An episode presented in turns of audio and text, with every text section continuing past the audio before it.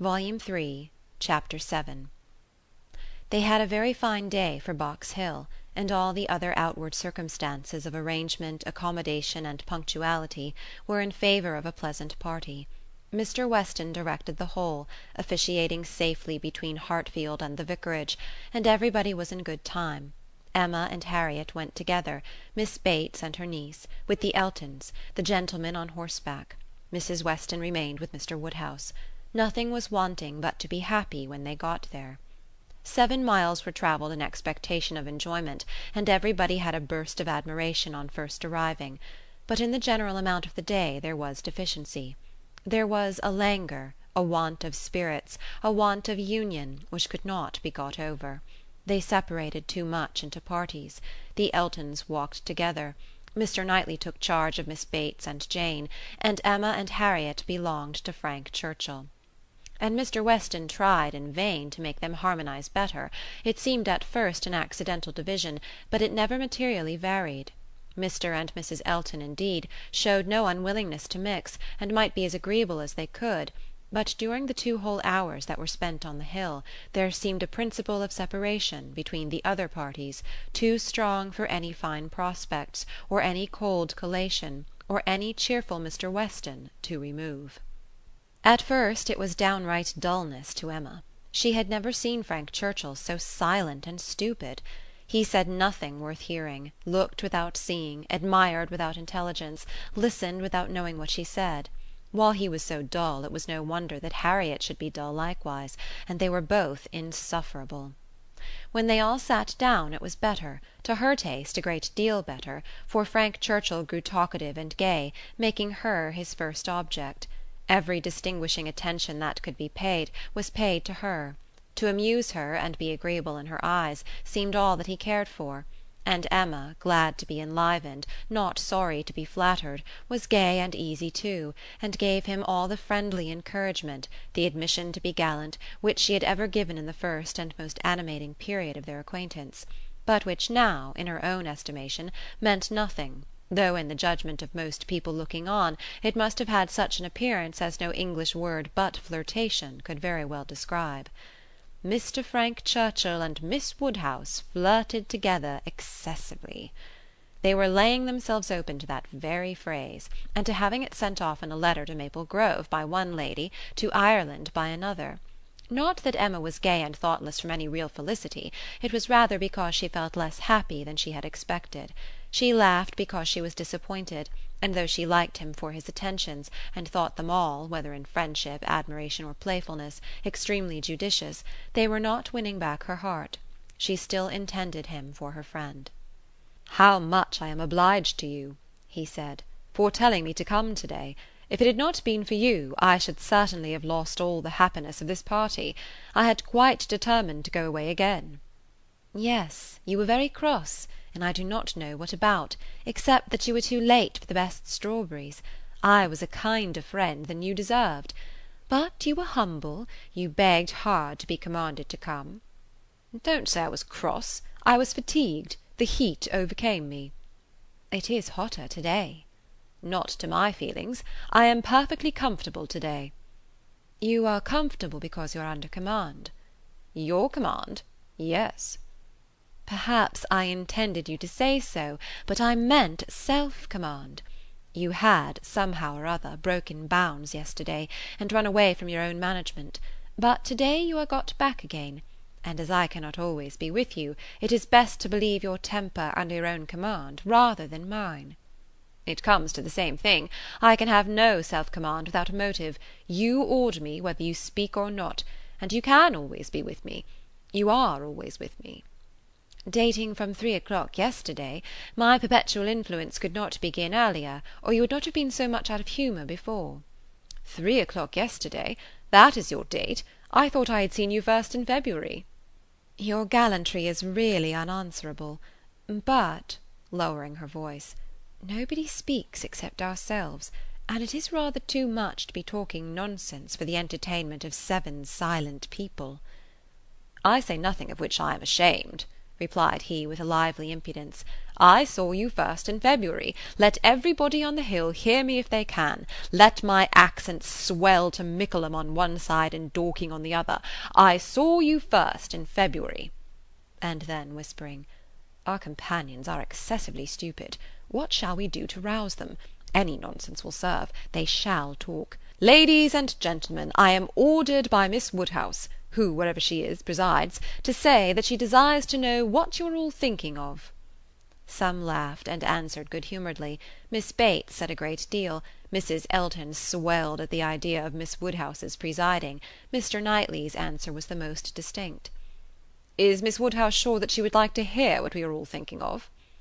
"Oh, no, no!" cried Emma, laughing as carelessly as she could. Upon no account in the world. It is the very last thing I would stand the brunt of just now.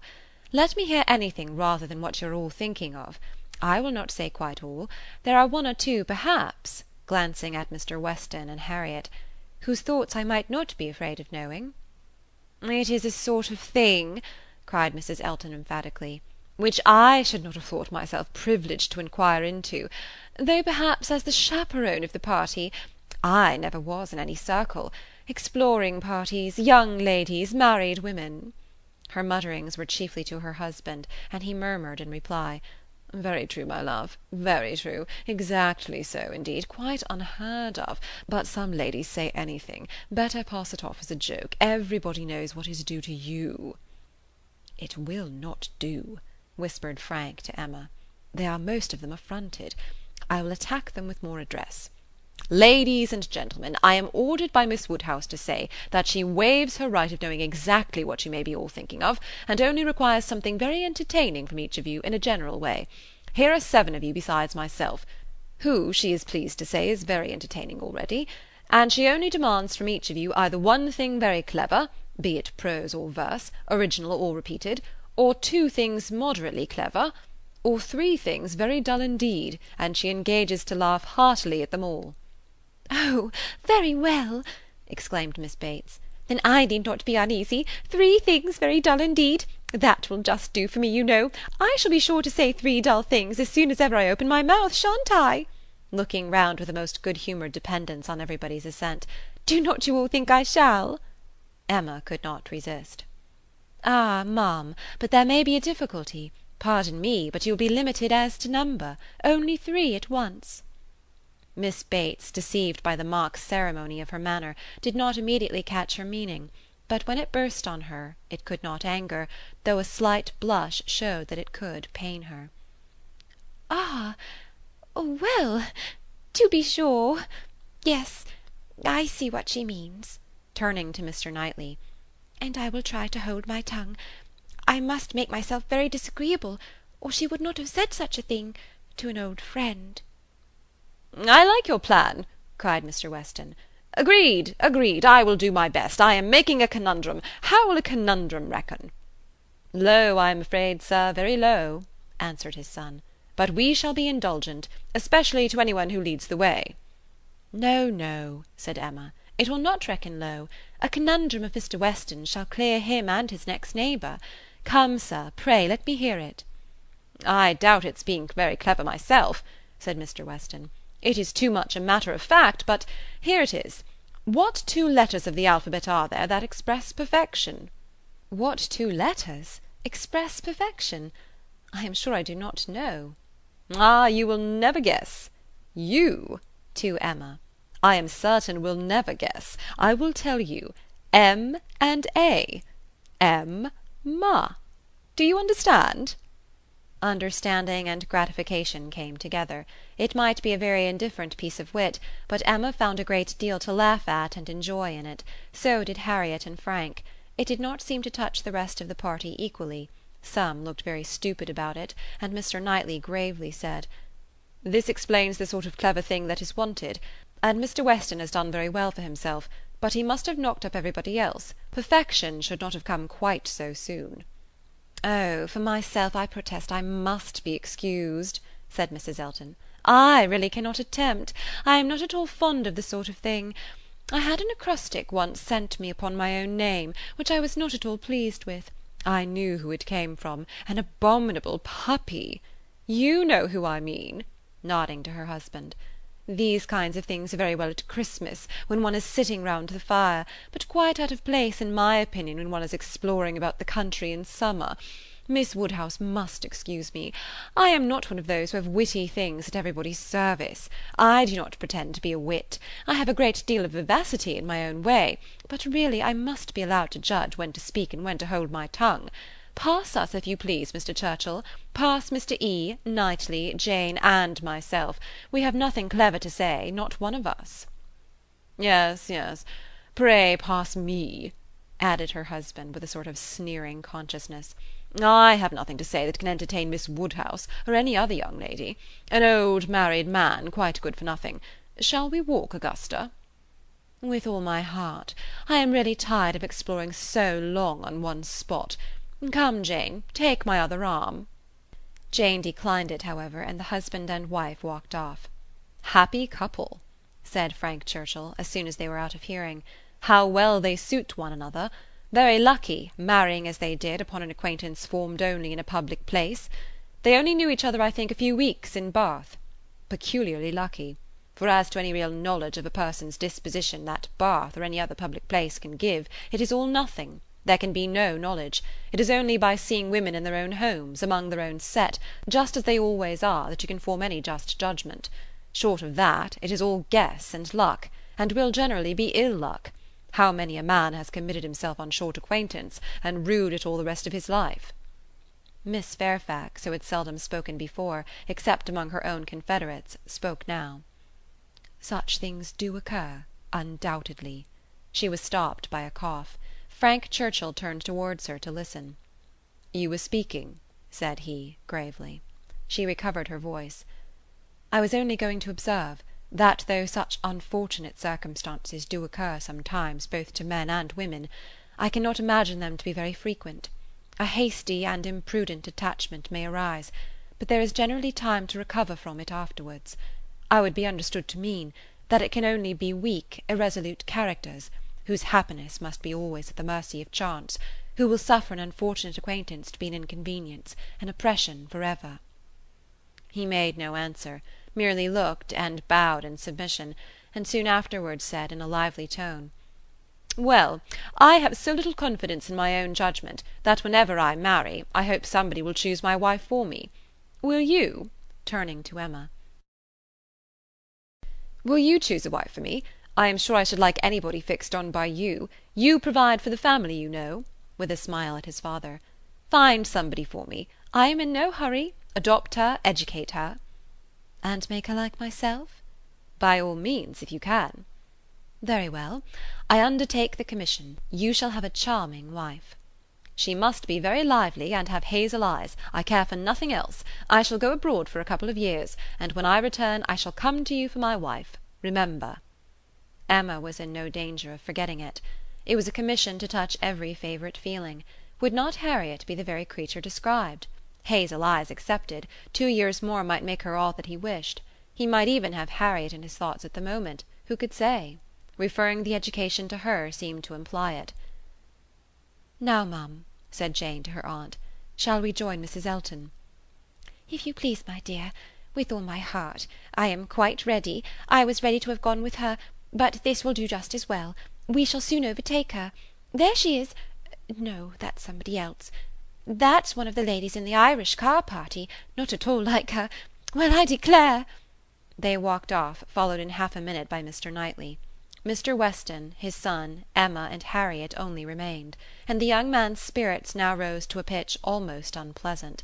Even Emma grew tired at last of flattery and merriment, and wished herself rather walking quietly about with any of the others, or sitting almost alone, and quite unattended to, in tranquil observation of the beautiful views beneath her.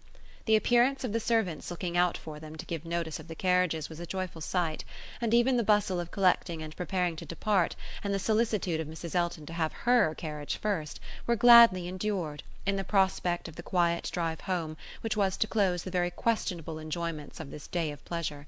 Such another scheme, composed of so many ill assorted people, she hoped never to be betrayed into again. While waiting for the carriage she found Mr. Knightley by her side. He looked around, as if to see that no one were near, and then said: "Emma, I must once more speak to you as I have been used to do a privilege rather endured than allowed, perhaps, but I must still use it.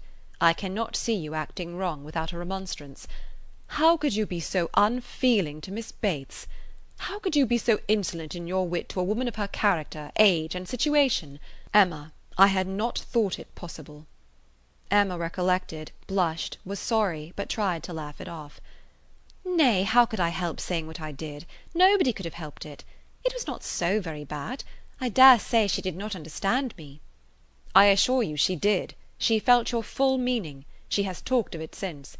I wish you could have heard how she talked of it, with what candour and generosity.